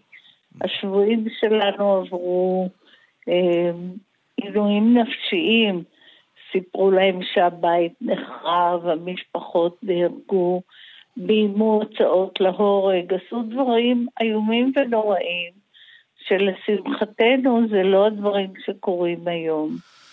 לא שזה תענוג כל כך גדול, זה לא, מחריד מחריד, אה, למדי. למדי. את יודעת ששמענו אה, באחת העדויות אה, שכן הותרו לפרסום, אחד העובדים או המהגרי העבודה אה, התאילנדים, שסיפר כן. שהם ראו שמכים גברים אחרים, ישראלים, כן. שהיו איתם. כן. אני לא יודעת, אני גם לא רוצה להיכנס לזה. אני רק רוצה לומר לשמחתנו, החמאס פחות או יותר מתייחס לחטופים כאתרוגים, משום שמשתמש בהם למשא ומתן. כן. אה, אוקיי, אז ההבדלים ברורים, אני כן רוצה עכשיו לשמוע ממך על, על מה שכן אפשר ללמוד גם מהמחקר וגם מהפעילות רבת השנים שלכם, שהוא כן רלוונטי אה, למקרה שלנו. תראה, מה שמאוד חשוב זה לקחת בחשבון שהשפעת הטראומה היא לא רק על החטופים עצמם או השבויים עצמם, אלא גם על המשפחות. הם עוברים טלטלות, הם עוברים, עובדים תהליך שאנחנו קוראים לו אובדן עמום, הם לא יודעים מה קורה ליקיריהם, אה, וכשאתה לא יודע אתה מפנטז דברים איומים ונוראים. יש חוסר אונים מאוד גדול של המשפחות כאן. משפחות החטופים התארגנו בצורה מעוררת הערצה ועושים כל מאמץ, והפעילות הזו היא בוודאי משהו שעוזר להם. כי כשאתה עושה עשייה היא בדרך כלל דבר שמקל עלינו. עוד דבר שמקל על המשפחות הפעם, זה העובדה שהם עושים את זה יחד. והתחברות היא אחד מהדברים שמפוגגים חרדה ומקלים. גם העובדה שמה שאנחנו יודעים, חלק גדול מהחטופים לא הוחזקו בבידוד או בצינוקות, אלא היו יחד עם אה, אנשים אחרים, ללא ספק גורם שמאוד מאוד עוזר ומחזק. אנחנו יודעים שבדידות, גם בשבי ובכלל, היא גורם קיצוני, גורם סיכון קיצוני, גם לתחלואה פיזית וגם לתחלואה נפשית. אנשים בודדים, גם בחוץ, מתים יותר מאנשים אה, שאינם בודדים. לכן העובדה שהחטופים שלנו מוחזקים יחד היא גורם שצריך אה, לעודד אותנו, וגם הפעילות של המשפחות היא אה, גורם מאוד מאוד חשוב גם לרווחה שלהם וגם לרווחה של החטופים לכשחוזרים. זהבה, אני רוצה לשאול כמה אה, את רואה את ההכנות אה, של המערכת לקליטת אה, החטופים שמגיעים לארץ, גם את האנשי צוות, נשות הצוות שהוכנו, ואיפה קולטים ואיך מעבירים אותם, וכל סוגים, סוגי המומחיות השונות, המומחיות השונות שמגיעות. את רואה הכנה ראויה? לקליטה? את רואה שלמדו מהדברים בעצם שאת חקרת? ממה שזה נראה זה, זה באמת אה, בגדר חזון אחרית הימים, כי יש פה רגישות ועניין ומחשבה.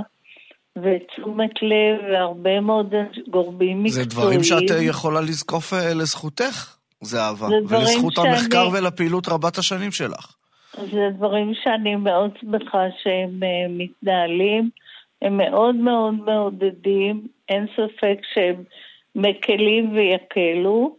עוד דבר אחד שתמיד אפשר עוד להשתפר בו, הוא הליווי התקשורתי של אה, החשיבה הביתה. אוקיי. שהוא במידה רבה היה מאוד אה, מציצני. מכבד. לא, הוא היה מכבד במובן ש... אה, בניגוד למה שעשו עם, אה, אה, עם אחת החטופות הראשונות, שדחפו מיקרופונים, 300 מיקרופונים, היא עוד לא הבינה מה קורה איתה ומיד האשימו אותה, יוכבד ליפשיץ, כן. שיש לה איזה סינדרום סטוקהולם ודברים מהסוג הזה. אז אה, זה השתפר והלך. עוד משהו שאפשר יהיה אני מקווה שהם יחזרו כולם, ואולי אה, רשתות הטלוויזיה אה, יצליחו להתגבר על הצורך המציצני שלהם ושל כולנו, ובמקום אה, לעשות לנו מדי ערב קבלת פנים מתמשכת, כמו כן. שיש, כמו שבצד שמים... רגע. כן. את, ה, את השקופית הקטנה שמודיעה איפה יש אזעקות, יעדכנו אותנו לגבי קצב החזרה, ובינתיים, במקום אולפנים ששוב ושוב... אה, מעלים את יעשו המתח ואת החרדה. הלאומית. זהבה. אה, סלומון, עובדת אה, סוציאלית, חוקרת ישראלית אה, שמתמחה בתחום הפסיכוטראומה. אני רוצה להודות לך על השיחה הזו וגם על הפעילות. תודה. תודה רבה. בוקר כל טוב.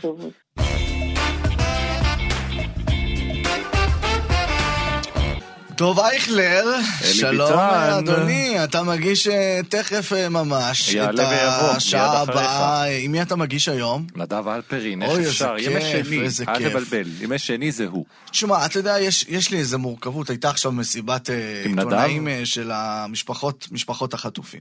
ראיתי. עכשיו, אני אומר, יש איזה עניין שמצד אחד, אתה יודע, אנחנו כולנו רוצים לראות את החטופים בבית, כן? מצד שני, עצם המסיבת עיתונאים, אז אתה יודע, זה שוב, זה שוב מעלה את, המחיר, זה, זה כאילו נקודת אה, חולשה, אני יודע שגם יש לך מה להגיד על זה. אתה רוצה שאני אומר את זה? אה, כן? מה, זאת אומרת? אתה רוצה להגיב על מה שאני אומר. לא, לא.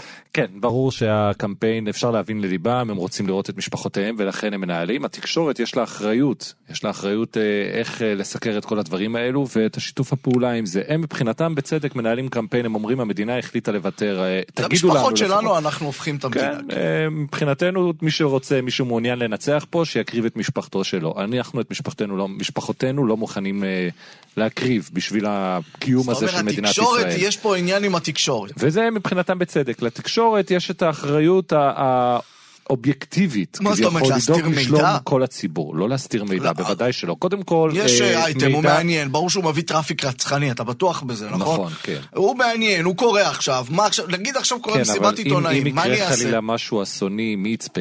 מי, איך, איך יבוא רייטינג? לא, אבל הכל בסדר. לא, אז. מה אתה אומר, להסתיר מידע? לא. אני אומר לחשוב נגיד יש אחריות. מסיבת עיתונאים. לחשוב, בסדר, אני איתך, אבל נגיד יש מסיבת עיתונאים. במקום זה סתם לשים שיר? לא, לא, בוודאי לא לשים שיר, וגם לא, אבל לתת, אותה? לתת קונטקסט, לתת קונטקסט, ש... הקונטקסט? לתת את הקונטקסט, ש... קודם כל שממשלת ישראל היא לא זו שמחזיקה את החטופים. אה, כי זה קצת נושאת נשכח. באחריות. היא בוודאי נושאת באחריות והיא עושה הכל כדי להביא, אבל היא עכשיו כרגע לא יכולה להשיב אותם. אם הייתה יכולה, היא הייתה משיבה אותם. היא יכולה רק במחיר שהוא יהיה יקר מדי לכל אזרחי מדינת ישראל. גם אגב, אז למשפחות אז מה זאת החטופים אומרת, וגם העיתונאי לחטופים צריך להגיד את שישוחררו. הדעה שלו? אגב, צריך לומר, לא הבנתי. יהיה מחיר. העיתונאי צריך להגיד את הדעה שלו לפני שהוא משדר את המסיבת לא, עיתונאים? לא, לא, הוא אז צריך... מה זה? אני אתן לך דוגמה. למשל, הבאתי אה, ליאור לוי מכאן 11, נתן סרטון בדיגיטל השבוע, הסביר לאזרחי מדינת ישראל מה סינואר רוצה. ראיתי, שלחת לי את זה. כן, זה רוצה את האסירים, ב- 12 את חבריו. האסירים. לא יודע למה החלטת, דוב, שזה מה שאני צריך לראות ב-12 הנה, בלילה, בדיוק בשביל השיחה הזאת. בלי לדעת שנשוחח. אוקיי. כל מה שסינואר רוצה, הוא הבטיח לחבריו בכלא כשהוא שוחרר בעסקת שליט, והוא לא היה אגב בהנהגת חמאס אז. אני אשחרר אתכם, את חסן סלאמה חברו, את כל מיני אנשים ש... חברו, בוא, שלא כן, יישן לידו עם בוא, ס- אה, פוליטיקאים. בלי סכין. אנשים שיש להם הרבה הרבה דם על הידיים, שיחיא סינואר הוא מ- משבק, אה, להבדיל כמובן לידם, הוא נער... אה, שמש, אה, כן, נער. שמש. מכין את הוא- הם, הארוחות. הם באמת רוצחים עם דם נוטף זורם מהידיים שלהם, ואותם הוא רוצה לשחרר, וזאת המשמעות של המשפט כולם תמורת כולם. משפחות החטופים מבחינתם בצדק, הן אומרות, מה, אנחנו לא מבינים את הטווח של אה, עוד עשרה, אנחנו לא, רוצים אבל אותם זה עכשיו. הדעה, השאלה מה עושים עם הדעה. בסוף, לכל אחד יש את הדעה, אתה יודע, כמו שיש לכל אחד מאיתנו אה, חור באוזן, יש לנו דעה. אה, ראית איך גיירתי את המשפט? שתי, כן. אבל, כן. אבל עדיין, שני כאילו, חורים, בסדר. שני, שתי שני, אוזניים. שני כן. חורים באוזניים. יש לנו שתי דעות לכל דבר. אה, אז אה, באמת, משפחות החטופים אבל- אבל צודקות שם- מצידם. אגב, צריך לפגוש אותם, צריך להסביר, לתת להם את כל הקונטקסט. רובם אגב מבינים את את המצב, אבל צריך לומר שוב, לא, אבל איפה אני חולק עליך? מצב מסוכן זה? גם לש- לחטופים שישוחררו. אבל זה הדעה שלך, 136 זה הדעה חטופים. שלך. זה לא- בסוף- זה לא דעה, זאת מציאות אובייקטיבית לא, זו ביטחונית. דעה שלך, מה פתאום? אני. בדעה ההפוכה. מה אתה חושב? בוא תגיד לי. לא, זה לא משנה, אני לא עכשיו באתי להתווכח, אני רק אומר, הדעה היא לא קשורה למידע עצמו. המידע עצמו, אתה צריך לתת אותו לאנשים. נכון. אז שים את המשפחות החטופים מדברות, וזהו, אבל זה אני שאחרי זה מרגיש תגיד. שאין קונטקסט מספיק בתקשורת. מה הקונטקסט? הקונטקסט זה להסתיר. יש, יודע. יש אזרחים בישראל שכבר יתחילו לחשוב תכף שמי שמחזיק בחטופים זה ממשלת ישראל אי, אי שם בקריה. אם זה נכון, יש כבר אם כאלה זה שתכף נכון, יחשבו את אני זה. קורא פה לממשלת ישראל עכשיו לשחרר. בדיוק. בדיוק. מאיפה? אם זה נכון. אז אה, בואו, זה, כל מה שאני אומר זה קונטקסט. מה, אה, מה בתוכניתך? צבי סוכות ידבר איתנו. או, חבר הכנסת. אה, חזרת לרעיין פוליטיקאים, אתה יודע שאנחנו לא עשינו את זה אתה יודע, לא רק, מה-7 לצערנו? הרב, אנחנו כל כך חזרנו לשגרה שנראיין היום גם את אה, עורכת הדין יפעת הללי מעמותת אה, הפורום החילוני לצה"ל. על הפעילות אה. של ה... הפעילות הדתית בזמן מלחמה, הם שולחים מלחמה בתוך לאנשים צה"ל. אה, חזיר קטן כזה, שיהיה ככה, לאנשים לא. לא, הם אה, פועלים בעיקר נגד אה, ארגונים דתיים שפועלים בתוך הצבא במסגרת המלחמה. זה לא אבל משהו שלפני ה-7 אז באוקטובר. אה, מסתבר שזה פעיל גם היום. אה, אוקיי, טוב. היא תדבר איתנו גם, נדב אלפרין יהיה באולפן הרבה עשיתי נושאים. טעות אה, קשה מרה היום. אמרתי שמדליקים נר חנוכה ביום רביעי. חמישי. חמישי. עכשיו. אני, אתה צריך יודע, לדעת את בא זה לי לפי כבר לוח על זה. הנסיבות, מה? לא, תודה רבה. תודה רבה. אה, יפה. אה, זה היה דוב אייכלר, שהוא אה. מיד אחרי חדשות השעה 12 נכנס פה אה, לשעתיים? שעה? שעה. שעה. של דובלה נותן בראש, ככה קוראים לתוכנית? כן, בערך. בא על- יהיה מדויק יותר. אה, בא, בטוב. באחת תהיה כאן דבורה גוטמן קיציס. באחת היא תהיה. כן. אוקיי, אז באחת היא תהיה. ומחר מנדי יהיה איתך כאן. באיזה ראשי מזבורך. לא להתחייב בפני אנשים לא, אחרי זה. זה. כן. מי עורך את התוכנית שלך? נתנאל ינובר האחד והיחיד. אתה יודע שהוא היה עורך תוכנית שלנו. רגע, מאזינים ואתה גם יודע יודעים. שגם אתה היית עורך שלנו. אנחנו בעצם איי, תוכנית שהיא איי, מצמיחה. טאלנטים. יפה. והם לא נשארים אצלם. מעניין, לא. מי, לאן, אה, מה היא תערוך את התוכנית של דבורה אולי אה, זה. למה? טוב, תגיש את אה, חמש אחר הצהריים בכאן 11. אה, יש, אה, משבצת כזו. כן. למה לא שיעור תורה?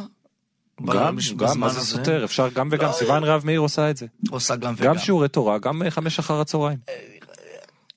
טוב, יפה מאוד. סיימנו. אה, 11.57, תודה לנעמי צוובנר על העריכה, תודה רבה אה, לעירה וקסר על ההפקה וניהול השידור. מושקו, שתהיה בריא, שהשם ישמור אותך אה, על הביצוע הטכני. אה, דוב אייכלר מיד אחרינו.